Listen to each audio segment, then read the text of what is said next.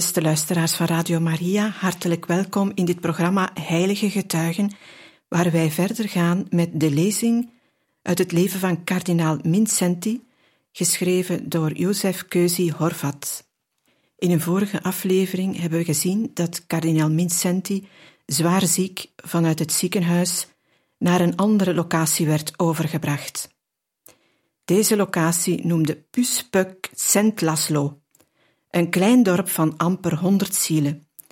Het ligt ongeveer 13 kilometer ten noorden van de stad Pech, aan de voet van de 682 meter hoge beboste Zengo-berg. Het dorp ligt daar zo ontoegankelijk dat de primaat en zijn begeleiders ongeveer 4 kilometer voor hun einddoel over moesten stappen in een jeep. Het leende er zich dus uitstekend toe een gevangene voor de buitenwereld te verbergen. De veiligheid in het vroegere bisschoppelijke zomerverblijf werd ook nog verzekerd door een gloednieuwe, hoge, omheining die rondom het kleine slot was aangebracht, en door de schare mannen van de politieke politie die uit Petch daarheen waren gecommandeerd en ondergebracht op de benedenverdieping. Daar wachten zij al op de aankomst van de voorname gast. Toen de jeep stilhield voor de trappen van het zomerhuis en de uitgeputte zieke uitstapte, begaf opeens zijn hart. De arts die meegekomen was, zei hem dat hij moest gaan zitten en stond pas een half uur later toe dat hij naar zijn kamer op de bovenste verdieping werd gebracht.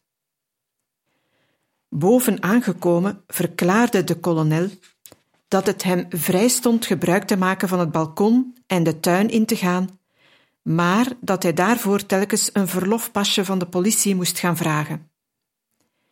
Dan zal ik liever geen gebruik maken van het balkon en van de tuin, antwoordde de kardinaal kortaf.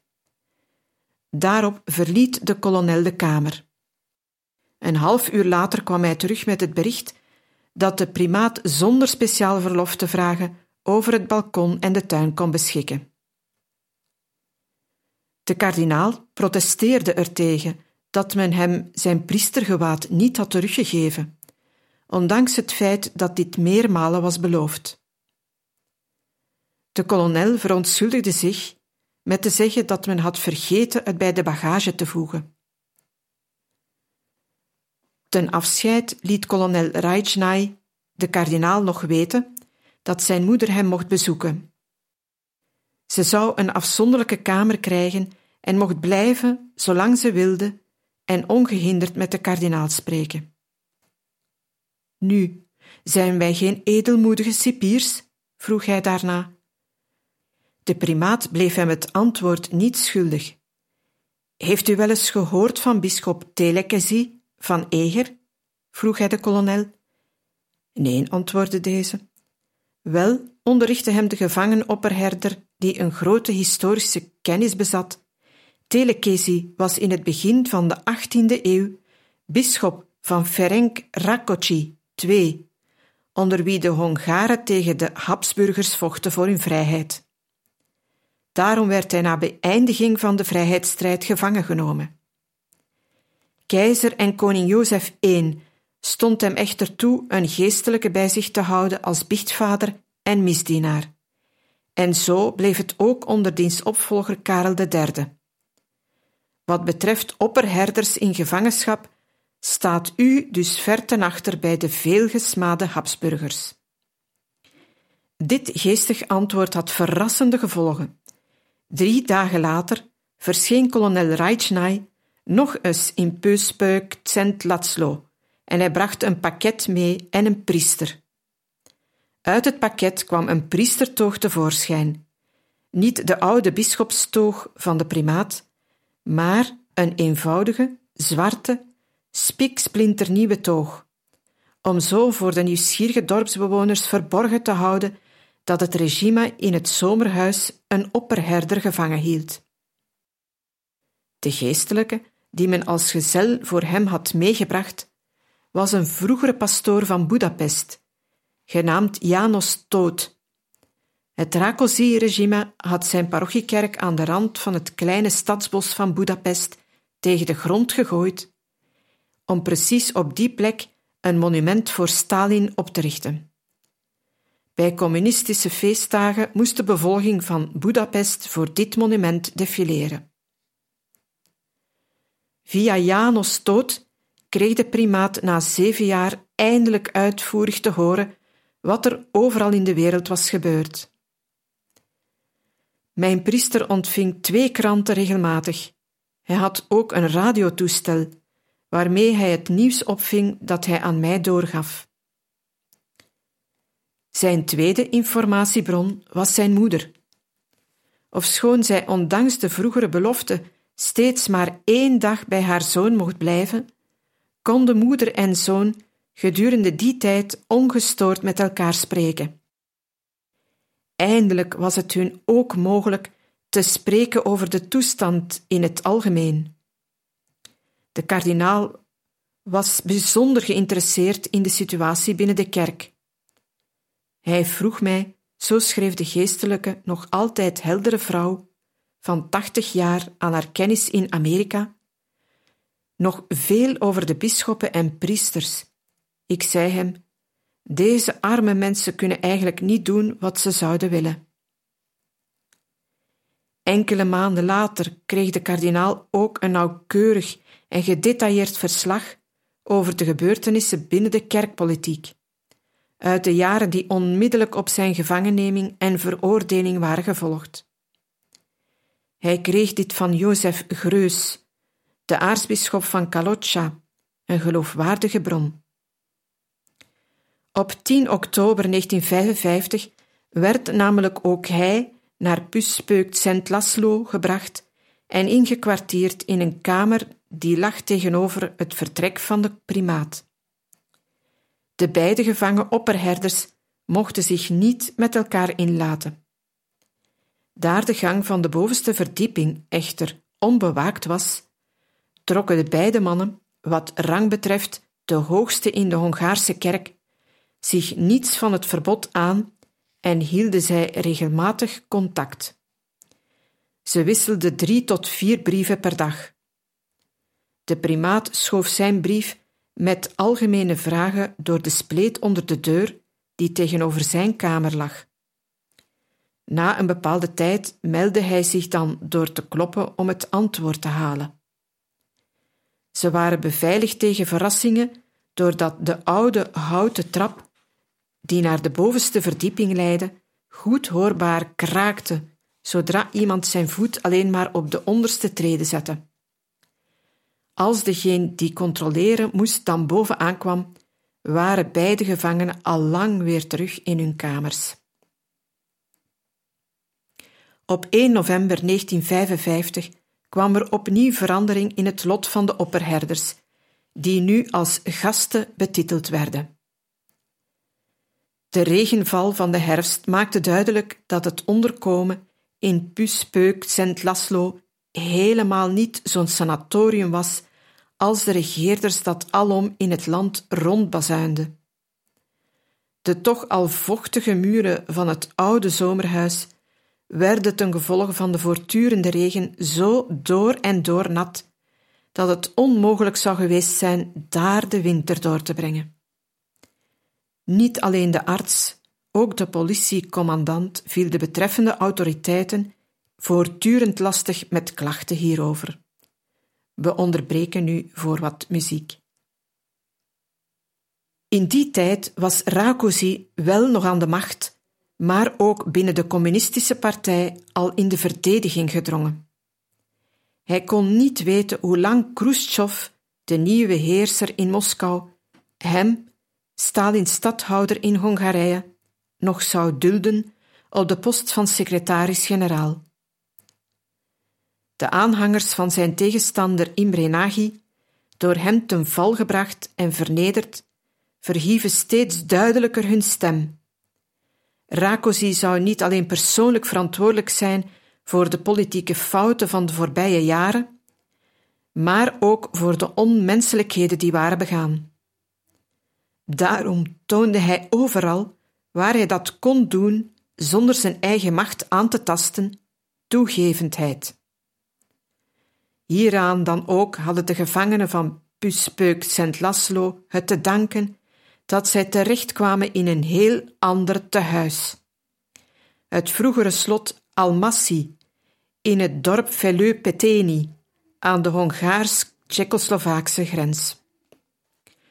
Voor hun vertrek brachten twee onbekende aanzienlijke personen die van het ministerie kwamen de primaat naar de universiteitskliniek van Pécs.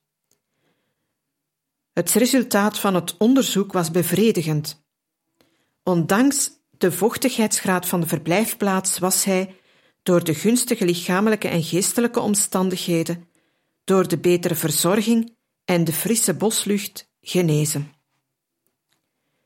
Van Pécs werd hij op 1 november 1955 om tien uur s'avonds via de hoofdstad naar Velseu-Peteni gebracht, waar hij op 2 november Allerzielen s'morgens om vier uur aankwam.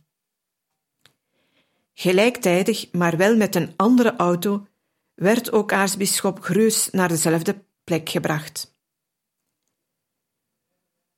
Dood in gevangenschap of vrijheid die te duur wordt gekocht. Velseu-Peteni met zijn 890 inwoners ligt op de oostelijke helling van het Berzeunie-gebergte. Aan de rand van het dorp, midden in een reusachtig met prikkeldraad omheind park, staat het vroegere slot Almassi.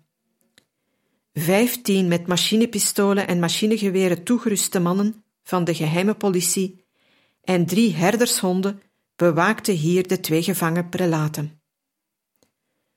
Ofschoon de huisbewaarder en de wachtcommandant er dikwijls de nadruk op legden dat deze twee nu geen gevangenen meer waren, maar veel eer gasten van de staat, was de discipline strenger dan in hun vroegere verblijfplaats. In het vertrek dat voor hun kamers lag, waren dag en nacht bewakers aanwezig. Dus konden zij nog met elkaar spreken, nog een briefwisseling onderhouden. Ook hun wandelingen werden zo geregeld dat zij elkaar niet konden ontmoeten. Zelfs het personeel kon hun kamers niet binnengaan zonder politiebegeleiding. En ook de moeder van de kardinaal, die tweemaal bij hem op bezoek kwam, mocht alleen in tegenwoordigheid van een politieman met hem spreken. De reden waarom beiden zo volstrekt van elkaar werden afgezonderd, was hoogstwaarschijnlijk dat de beide bisschoppen geen gelegenheid mochten hebben om met elkaar te spreken, zodat ze niet van gedachten konden wisselen over de pogingen met elk van hen tot een vergelijk te komen. Na drie maanden verdween aartsbisschop Greus uit het slot. Hij had amnestie gekregen. Korte tijd verbleef hij in een pastorie. Dan, na de dood van de derde in rang bij het episcopaat, Giula Chapik, de aartsbisschop van Eger, die als enige nog op vrije voet gebleven was, werd het aartsbisschop Greus toegestaan zijn ambt weer uit te oefenen. Ook mocht hij president zijn van de bisschoppenconferentie. Dit natuurlijk in ruil voor de belofte dat hij in deze dubbele functie het voorbeeld zou volgen van de aartsbisschop van Eger, die door zijn critici als te toegevend en door zijn aanhangers als diplomatisch was beschouwd.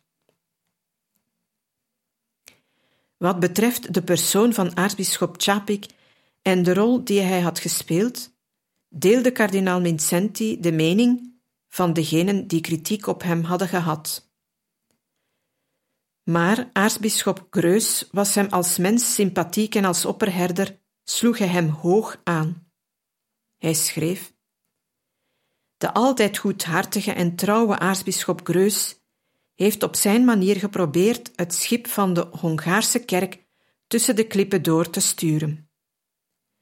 De primaat erkende dat Greus niet uit zelfzuchtig eigenbelang had gehandeld toen hij de gratie aannam uit de handen van Rakosi en er niet op stond gerehabiliteerd te worden. Hij wilde de kerk redden, zo verontschuldigde hem de primaat, om haar te bewaren voor verdere ondergang en nog grotere schandalen. Maar hij was er zich wel van bewust dat er onder de gegeven omstandigheden geen succes te verhopen viel. Matthias Rakosi en diens regering probeerden ook met Vincenti een dialoog op gang te krijgen. Na de grote successen van de Volksrepubliek bent u toch wel wat dichter naar ons toegegroeid, niet? Vroeg een ambtenaar van het ministerie hem bij gelegenheid van de verhuizing. Helaas, antwoordde de primaat. Met de gebeurtenissen die zich buiten de gevangenis afspelen, heb ik geen ervaring. Meer dan zeven jaar is het uw enige zorg geweest mijn leven af te grendelen van de wereld. Pastoor Toot krijgt iedere dag de kranten met de aanwijzing dat ik ze niet mag te lezen krijgen.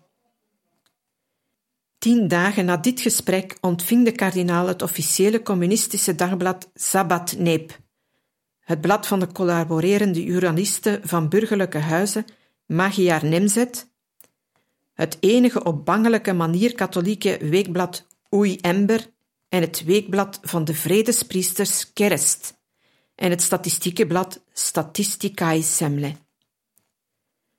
Spoedig daarna vroeg de chef-redacteur van het collaborerende Magyar Nemzet, met toestemming van de minister van Justitie, onder wie dit ressorteerde, een interview met de prelaat te mogen hebben.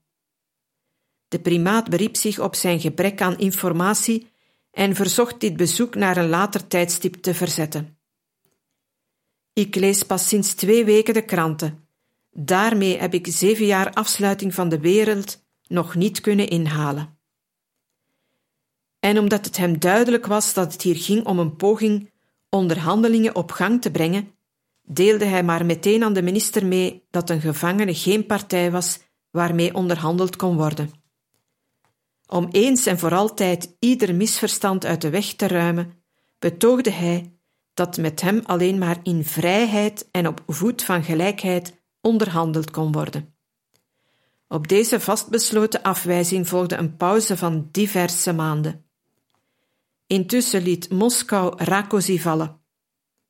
Maar zijn plaats als secretaris-generaal van de partij werd niet ingenomen door een nieuwe en onbesproken figuur, maar door Erneu Gero, die ook doorging voor een oude Stalinist. Ook hij was niet bereid tot concessies, en wezenlijke veranderingen kwamen er niet maar het volk dat door de val van Rakosi moed had gevat, verlangde naar een verandering van regime.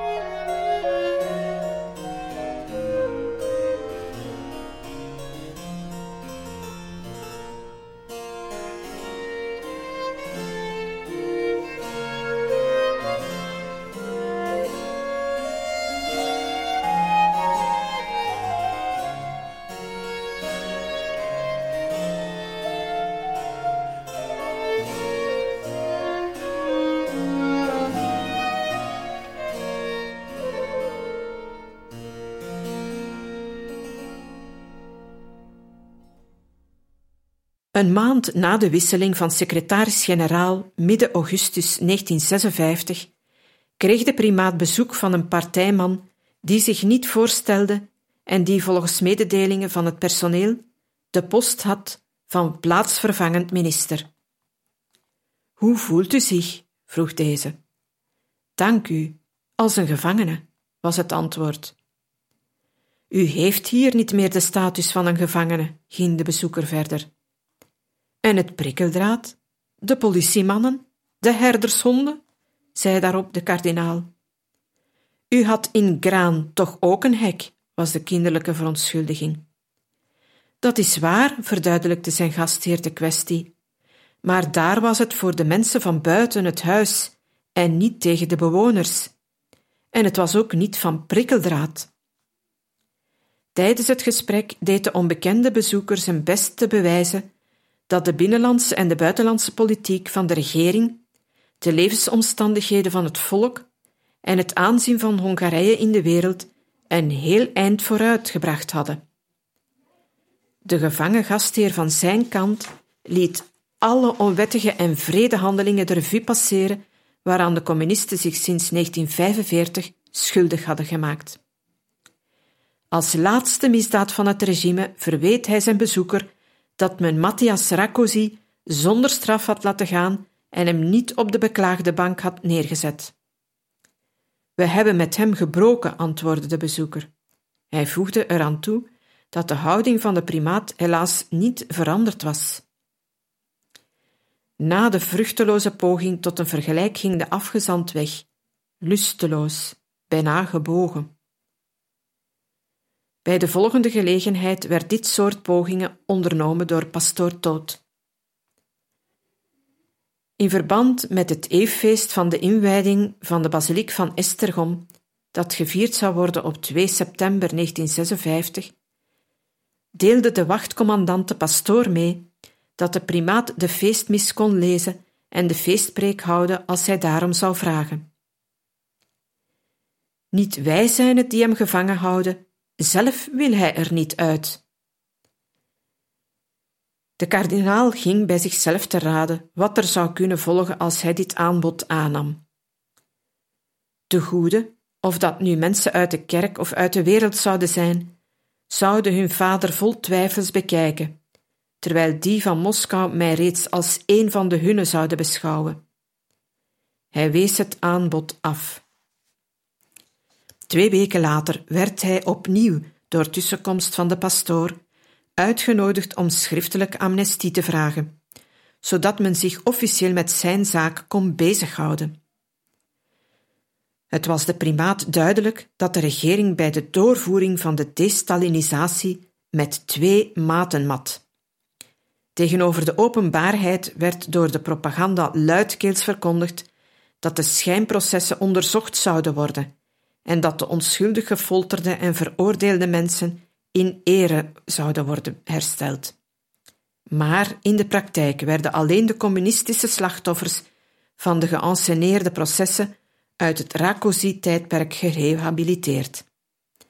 De niet-communistische slachtoffers en van hen vooral de kerkelijke personen, zoals ook het geval met aartsbisschop Greus dat bewees, konden alleen rekenen met een gratie waaraan voorwaarden verbonden waren. Dit was de reden waarom de kardinaal telkens als men probeerde hem met uitzicht op amnestie enig vergelijk te laten ondertekenen, nadrukkelijk verklaarde dat hij niet wachtte op gratie als die aan voorwaarden gebonden was, maar dat hij eerherstel verlangde zonder welke voorwaarden dan ook. Mijn besluit stond onwrikbaar vast, schrijft hij. Bij het alternatief, dood in de gevangenis of vrijheid tegen de prijs van een slecht compromis, zal ik liever de dood kiezen. Ook de welgemeende raad van pastoor Toot, die als bemiddelaar optrad, kon dit besluit niet doen veranderen. Hij vond echter dat de kardinaal de mogelijkheid van een vrijlating, die alleen maar bereikbaar was onder de mantel van de amnestie, niet van de hand moest wijzen. Niemand van hen dacht eraan dat er buiten het alternatief van dood in de gevangenis of vrijheid tegen de prijs van een slecht compromis nog een derde mogelijkheid bestond, en dat deze mogelijkheid zich spoedig zou voordoen. Het uitbreken van de revolutie kwam niet alleen voor de gevangenen van het slot Velseu-Peteni en hun bewakers als een volledige verrassing, maar ook voor de regeringsleiders, voor de communistische partij en voor de geheime politie. Op de morgen van 24 oktober 1956 stormde pastoor Toot ademloos de kamer van de kardinaal binnen en riep: Er is revolutie in Budapest. Daarna bleef de primaat evenwel verscheidene dagen zonder verder nieuws. De pastoor werd niet meer bij hem toegelaten en kranten kreeg hij ook niet. Alleen uit de geschrokken gezichten van de bewakers en uit de luide anti-Rakosi-kreten van de dorpsjeugd kon hij besluiten dat er in de buitenwereld grote dingen gebeurden. Vier dagen later, vroeg in de avond van de 28 oktober, vroeg hem de commandant van de wacht zich erop voor te bereiden dat hij overgebracht zou worden naar Budapest. Als reden gaf hij op dat zijn leven niet meer veilig was nu het verhitte gepeupel Mincenti roepend om het slot liep. Intussen was de primaat er zeker van dat wat de commandant gepeupel noemde, het volk was dat niet tegen hem, maar voor hem demonstreerde.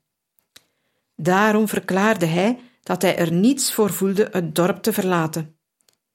Dan zullen wij geweld moeten gebruiken, dreigde de commandant. Ook voor geweld zal ik niet wijken, antwoordde de kardinaal rustig en vastbesloten. De agenten probeerden hem met geweld uit zijn kamer te sleuren. Hij verzette zich uit alle macht. Tijdens de strijd scheurde ook zijn toog. Ten slotte beval de commandant zijn mensen de kamer te verlaten. De volgende dag, 29 oktober, hoorde de primaat in de namiddag dat Janos Horvat, de leider van het Staatsbureau voor Kerkelijke Zaken, uit Budapest was aangekomen en hem wilde spreken. De gedrongen man met het gezicht van een bulldog, een oude Stalinist en tevens de man die de anti-kerkelijke en anti-godsdienstige bepalingen van Rákosi op gruwelijke manier in werkelijkheid om placht te zetten, zag er moe en gebroken uit.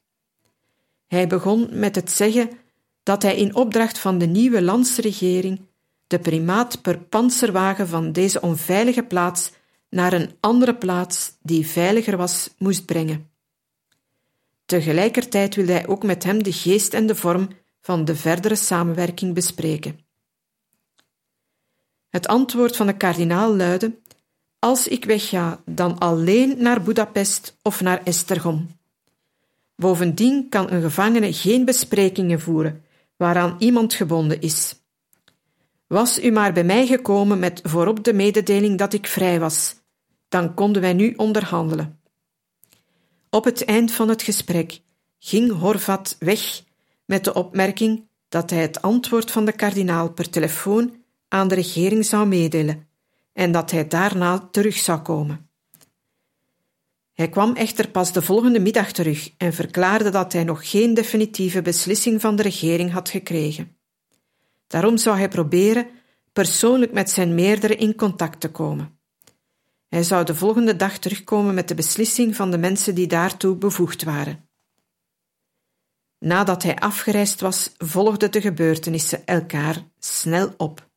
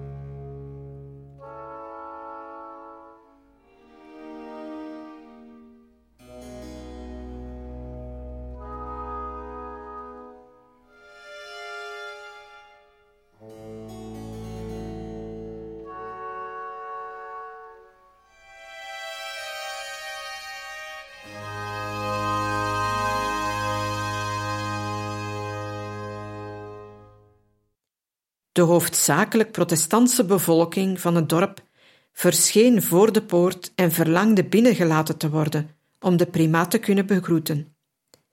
Dit was het gepeupel waartegen mijn beschermers mij wilden behoeden, tekende de primaat op.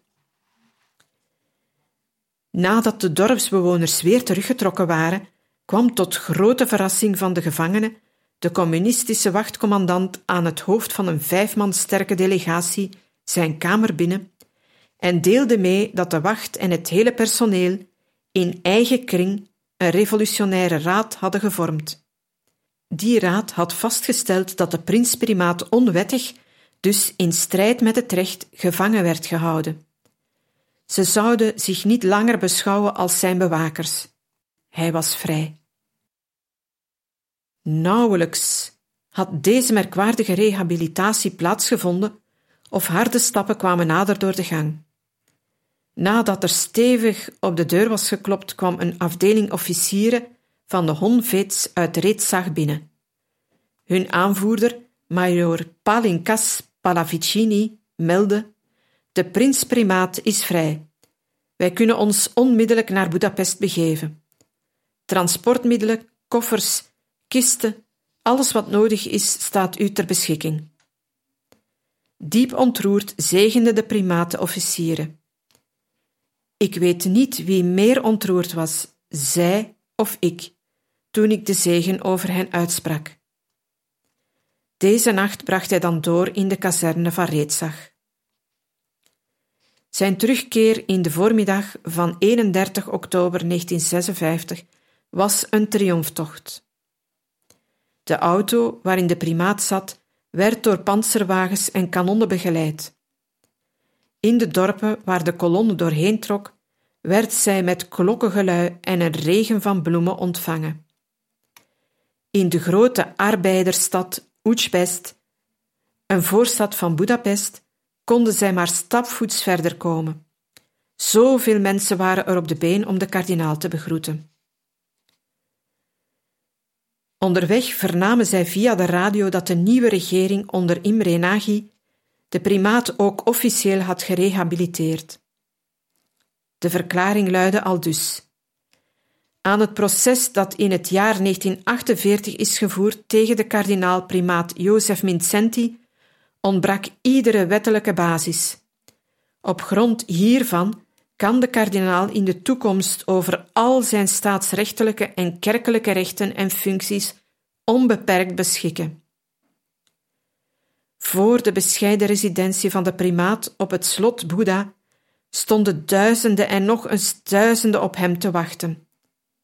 Soldaten, studenten, arbeiders, moeders met kinderen juichten en schreiden.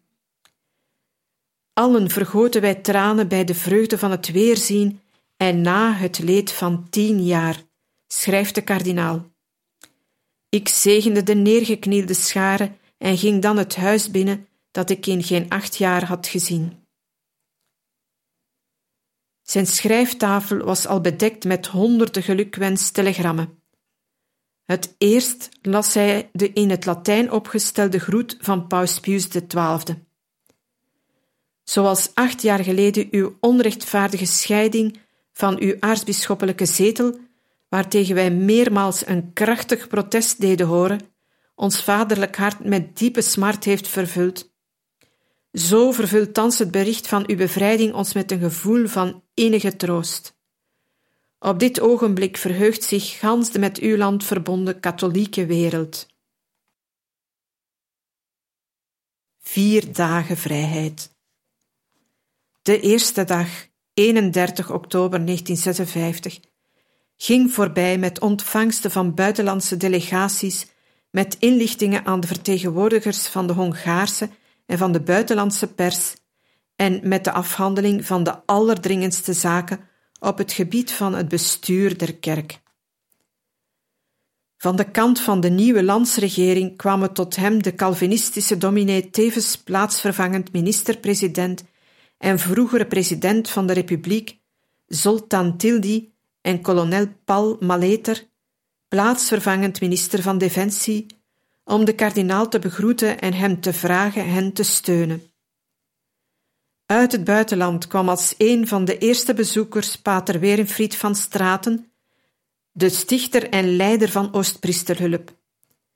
Wij kwamen aan bij de kardinaal-primaat van Hongarije, schrijft hij in zijn verslag, drie uur na zijn aankomst uit gevangenschap in Budapest. Zonder veel moeite vonden wij de zwaar beschadigde woning van de kardinaal.